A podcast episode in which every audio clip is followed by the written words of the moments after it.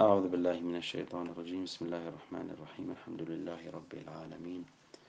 وصلى الله على نبينا محمد وعلى أهل بيته الطيبين الطاهرين. كنا نتحدث حول الآية الأولى من سورة نوح. بسم الله الرحمن الرحيم. إنا أرسلنا نوحا إلى قومه أن أنذر قومك من قبل أن يأتيهم عذاب أليم. وقلنا بإمكان أن نقسم هذه الآية إلى ثلاثة مقاطع لنأخذ الصورة العامة والإجمالية للآية كلها. المقطع الأول قوله تعالى إنا أرسلنا نوحا إلى قومه. توقفنا عند مجموعة من النقاط التي آه، ربما تساهم في الكشف عن المراد من هذا المقطع وبالتالي تساهم في الكشف عن آه، الرسالة الأساسية لهذه الآية بكاملها. المقطع الثاني أن أنذر قومك. وهنا يمكن نذكر مجموعة من النقاط. في هذا المقطع يحدد يحدد الله سبحانه وتعالى مضمون الرسالة التي بعثها أو بعث بها نوحا وهي بشكل موجز الإنذار. أن أنذر قومك.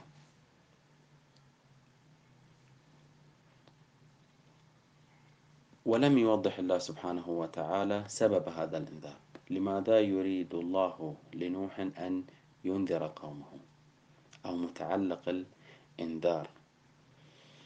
وربما أبهم الإنذار وأجمله من أجل تصوير هول ما وقع ما وقعوا فيه لكي يترقب القارئ سبب الإنذار ويبقى مشدودا لمعرفة هذا السبب. ما هو الذي وقع فيه قوم نوح حتى وصلوا إلى مرحلة أن بعث الله سبحانه وتعالى لهم نبيا لينذرهم لينذرهم وإلا إن لم يستجيبوا لهذا الإنذار فإن هناك عذابا أليما يأتيهم. إذا الرسالة الفكرة الأساسية لبعثة ورسالة نوح هي مسألة الإنذار. لو أردنا أن نتعرف على الإنذار ماذا يراد من الإنذار؟ أن أنذر قومك. في المعجم العربي يقال نذر بالشيء علمه فحذره وأنذره الشيء أعلمه به وخوفه منه. يمكن أن نخرج بهذا المعنى العام للإنذار وهو الإعلام بالشر. إذا جاءني شخص يريد أن يخبرني ويعلمني بشر لم يقع بعد فيقول أنذرك بكذا. لا تذهب إلى هذا المكان فإنه سيحدث لك هذا الشيء أو سيحدث هذا الشيء. هذا يسمى إنذارا. على عكسه وعلى خلافه التبشير وهو الإعلام بالخير. يأتيني شخص ويخبرني ويعلمني بخبر بحادثة ستقع وهي خير فيقال بشرني فلان بهذا الشيء. إذا أن أنذر قومك من قبل أن يأتيهم عذاب أليم. إذا الإنذار هو الإخبار والإعلام بشر سوف يقع. فإذا أعلمهم يا نوح وخوفهم. هكذا حتى نفهم هذا هذا المقطع. إذا الله سبحانه وتعالى يقول لنوح أرسلتك إلى قومك لكي تنذرهم من شيء فإن لم يستجيبوا فإن هناك عذاب ينتظرهم. لكن لم يحدد الله سبحانه وتعالى متعلق الإنذار. وعلى ماذا يتعلق؟ يعني ما هو مضمون هذا الإنذار؟ حتى إن استجاب له القوم لم يقع عليهم العذاب ولم يأتيهم العذاب. فماذا يعلمهم؟ وعن ماذا يخوفهم؟ وبماذا يخبرهم؟ متعلق الإنذار تجاوزته هذه الآية الآية الأولى سيأتينا في الآية الثالثة وأن مضمون هذا الإنذار هو ثلاثة أمور أن اعبدوا الله واتقوه وأطيعون. إذا المعنى يكون هكذا أعلم قومك بأن يعبدوا الله ويتقوه ويطيعوه وإلا يعني إن لم يستجيبوا لهذا الإنذار وهو هذا المضمون العبادة والتقوى والإطاعة سوف يأتيهم عذاب أليم. إذا مضمون الرسالة هو الإنذار ومادة هذا الإنذار لم يذكرها الله سبحانه وتعالى في هذه الآية ليبقى المستمع والقارئ مشدودا متسائلا عن هذا الشيء الذي سيقيهم من العذاب عن هذا الشيء الذي بعثه الله سبحانه وتعالى. آه، إلى هذا القوم من خلال نوح عليه السلام وهو أمر مهم يعني لكي يوضح آه، ويشير إلى أهمية هذا الأمر. أيضا من النقاط التي يمكن أن تذكر هنا مرتبطة بهذا المقطع. هو هكذا قال أن أنذر قومك. أضاف القوم إلى نوح. بل ليس في هذا المقطع حتى المقطع السابق إنا أرسلنا نوحا إلى قومه. ثم قال أن أنذر قومك. نلاحظ هنا إضافة القوم إلى نوح. نوحا إلى قومه أن أنذر قومك بل في الآيات التالية إن شاء الله ستأتينا بحول الله تعالى. قال يا قومي أضاف نوح القوم إليه. قال ربي إني دعوت قومي ليلا ونهارا. لماذا هذا كثرة الإضافة كثرة إضافة القوم إلى نوح؟ لماذا لم يكتفي الله سبحانه وتعالى بإضافة واحدة؟ كأن يقول هكذا هذا هذا نظام اللغة العربية هكذا يكون. كأن يقول إنا أرسلنا نوحا أن أنذر قومك. فيكتفي بإضافة واحدة. أو أن يقول إنا أرسلنا نوحا إلى قومه أن أنذرهم. لماذا هذا التكرار؟ إنا أرسلنا نوحا إلى قومه أن أنذر قومك. ثم بعد ذلك في الآيات التالية قال يا قومي قال ربي إني دعوت قومي. لماذا هذا؟ التكرار في الإضافة. ربما تكون هذه الإضافة لبيان الشفقة والرحمة. يعني مجمل هذه الإضافات كاشفة عن الشفقة والرحمة. أو تريد أن توصل رسالة إيجابية بأن هذه البعثة وهذا الإرسال من قبل الله وهذا المشروع الإلهي كله شفقة ورحمة. لنقف عند كل عند كل واحدة من هذه الإضافات. لاحظوا الإضافة الأولى. إنا أرسلنا نوحا إلى قومه.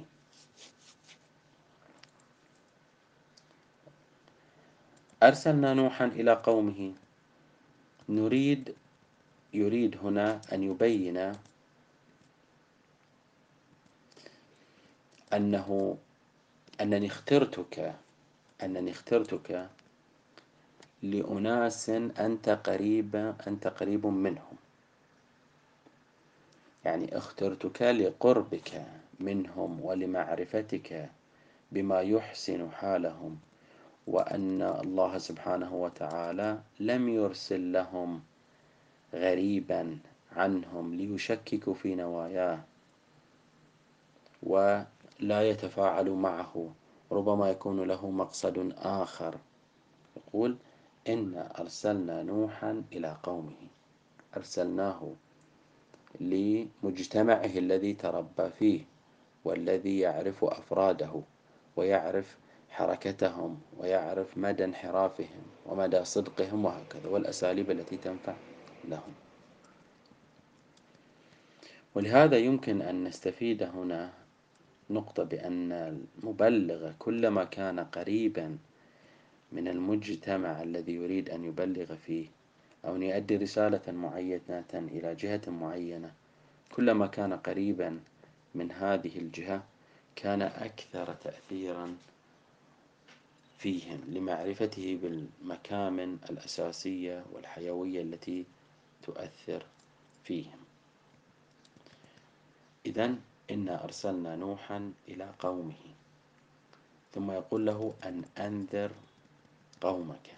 أيضا فيه نفس الشيء نفس النقطة التي ذكرناها.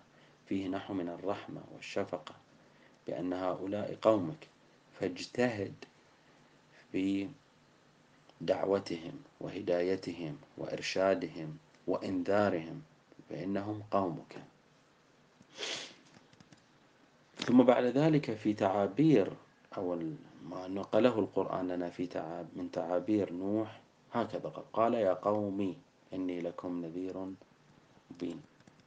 بمعنى أنه يريد أن يوصل أيضا رسالة إيجابية إلى قومه بأنني منكم ومشفق عليكم ومريد الخير لكم وحريص على سعادتكم فلست غريبا ربما لا تكون مشاعره بعمق مشاعري. تجاهكم.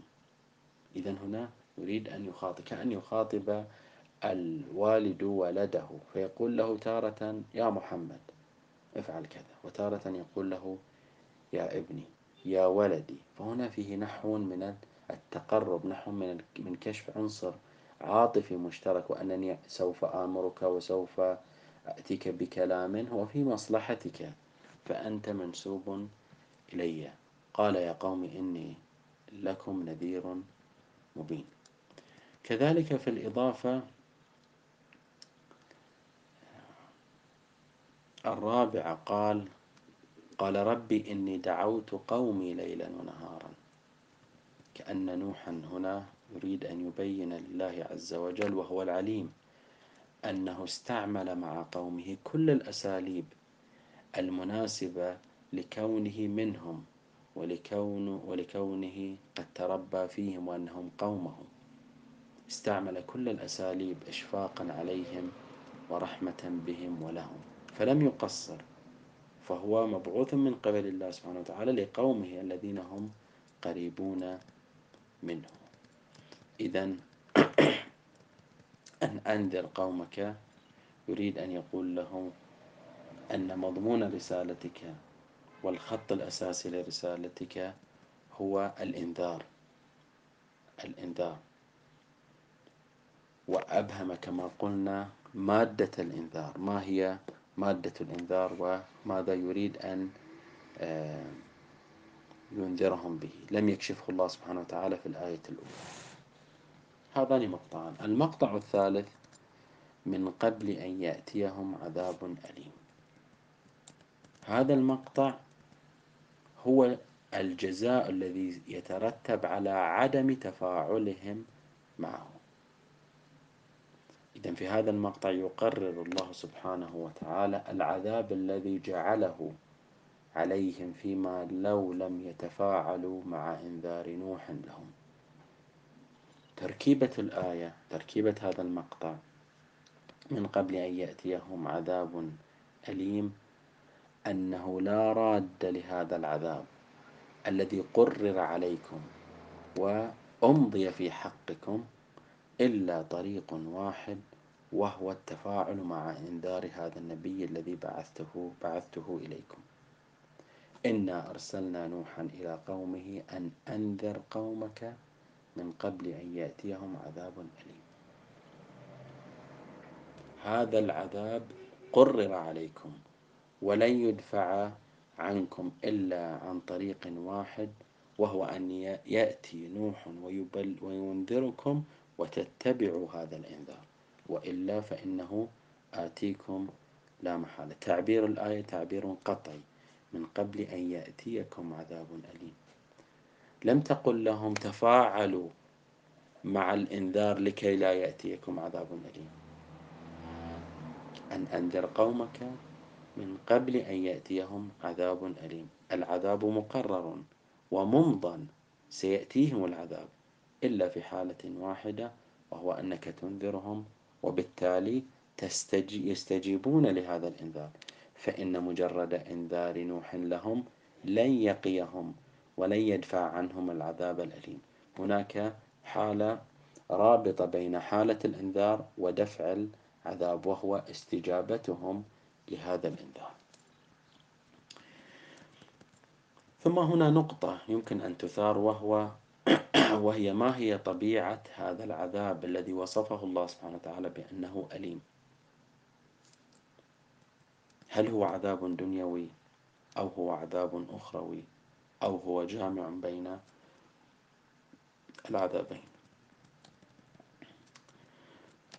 بعض المفسرين ذهب إلى أن هناك قرينة في هذا المقطع تقرب أن يكون العذاب المقرر عندهم والمقصود هو عذاب دنيوي وهو كما هو معلوم هو الإغراق. فالله سبحانه وتعالى كأنه يريد أن يقول إذا لم تستجيبوا لهذا الإنذار سيأتيكم عذاب أليم. ما هو العذاب الأليم؟ هو الإغراق. سيغرقكم. ويهلككم. والقرينة التي اعتمد عليها هذا المفسر هو التعبير بيأتيهم من قبل أن يأتيهم عذاب أليم. يقول بأن إتيان العذاب لا لا يتناسب والعذاب الأخروي فإن العذاب الأخروي يلاقيه الإنسان. ولا يأتيه عذاب أخروي يقول وهذا معبر عنه في القرآن. على سبيل المثال فذرهم يخوضوا ويلعبوا حتى يلاقوا يومهم الذي يوعدون.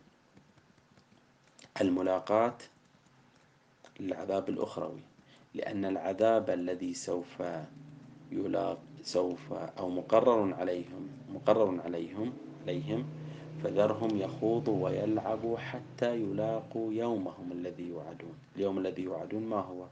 هو يوم القيامة. إذا هناك عذاب يلاقونه. فإن الإنسان يوم في يوم القيامة يذهب لملاقاة العذاب في الآخرة ولا يأتيه العذاب. إذا تعبير التعبير عن العذاب الأخروي يكون بالملاقاة. الآية ماذا قالت؟ من قبل أن يأتيهم. فلم تقل من قبل أي مثلا يلاقوا العذاب. وإنما قال أن العذاب سيأتي. هنا يمكن إضافة استقراء بسيط حول تعبير بإتيان العذاب في القرآن الكريم. وأنه في غالبه كان للعذاب الدنيوي. فالقرآن لا يعبر بإتيان العذاب إلا في العذاب الدنيوي. أما العذاب الأخروي فلا يعبر عنه بأنه يأتيه وإنما يلاقيه.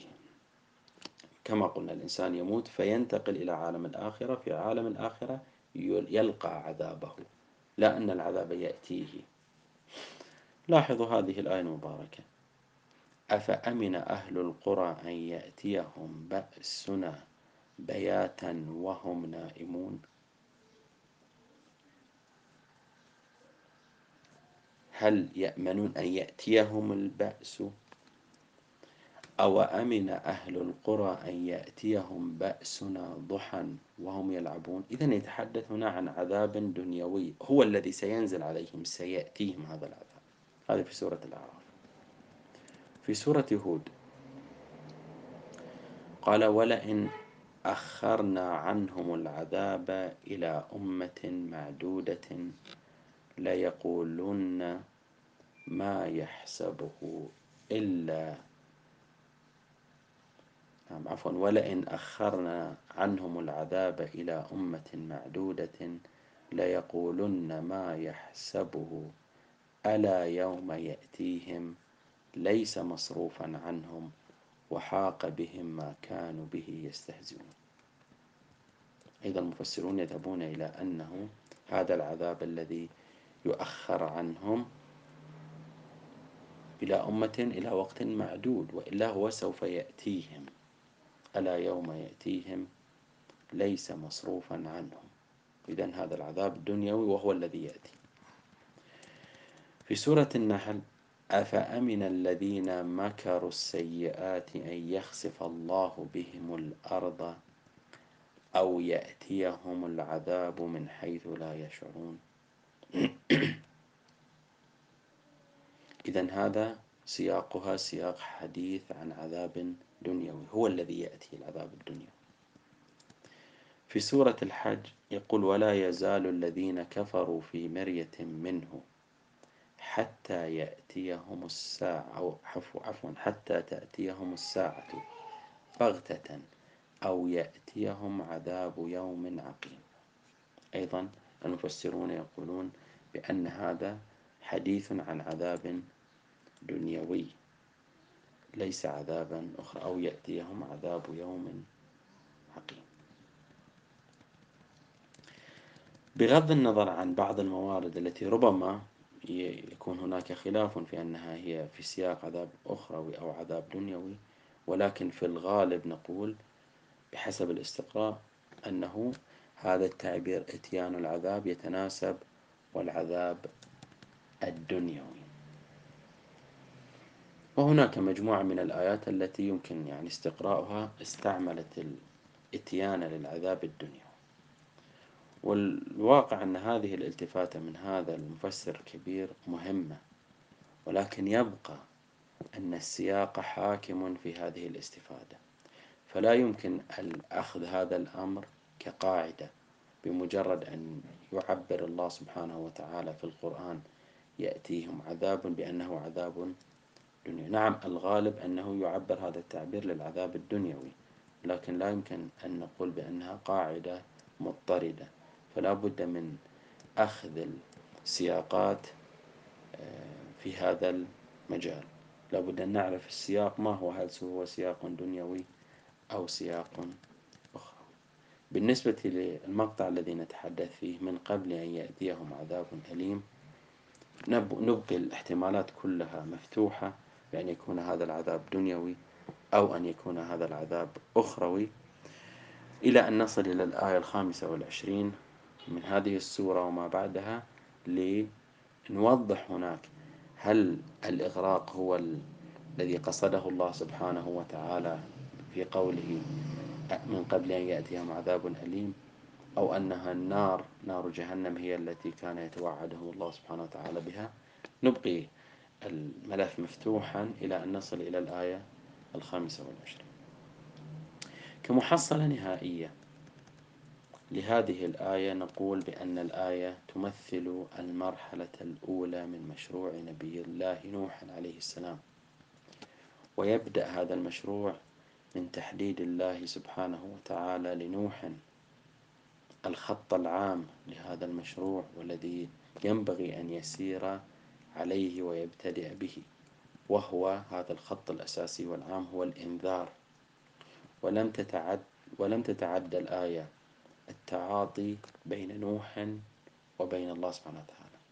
بمعنى أن الآية هذه الآية الأولى هي نحو من التعاطي بين طرفين. الطرف الأول هو الله والطرف الثاني هو نوح.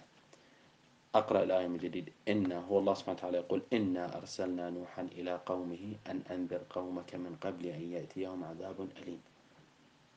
فقط الآن الله سبحانه وتعالى جاي يكلف نوح بالمهمة. يقول له أنذر قومك قبل أن يأتيهم العذاب. إذا الصورة الكلية لهذا التعاطي بين هذين الطرفين إن هناك قوم من الأقوام. انحرفوا انحرافا أساسيا عن الخط الإلهي فقرر الله سبحانه وتعالى عليهم عذابا خاصا. لن يقيهم ويصرف عنهم هذا العذاب إلا إذا رجعوا واستجابوا لله سبحانه وتعالى. وتكون هذه الاستجابة من خلال استجابتهم للإنذار الإلهي الذي سوف يأتيهم به نوح. فكلف الله سبحانه وتعالى نوحا بأن ينذرهم ليدفع عنهم العذاب ويندفع عنهم العذاب. فالخلاصة النهائية لهذه الآية هناك قوم انحرفوا فتقرر عليهم العذاب فأرسل الله تعالى لهم نبيا لينذرهم. هذا تمام الحديث عن الآية الأولى والتي كما قلنا تبدأ بالخطوة الأولى في هذا المشروع الإلهي وهو تكليف الله لنوح بأن ينذر قومه من قبل أن يأتيهم العذاب الذي تقرر في حقهم. والحمد لله رب العالمين.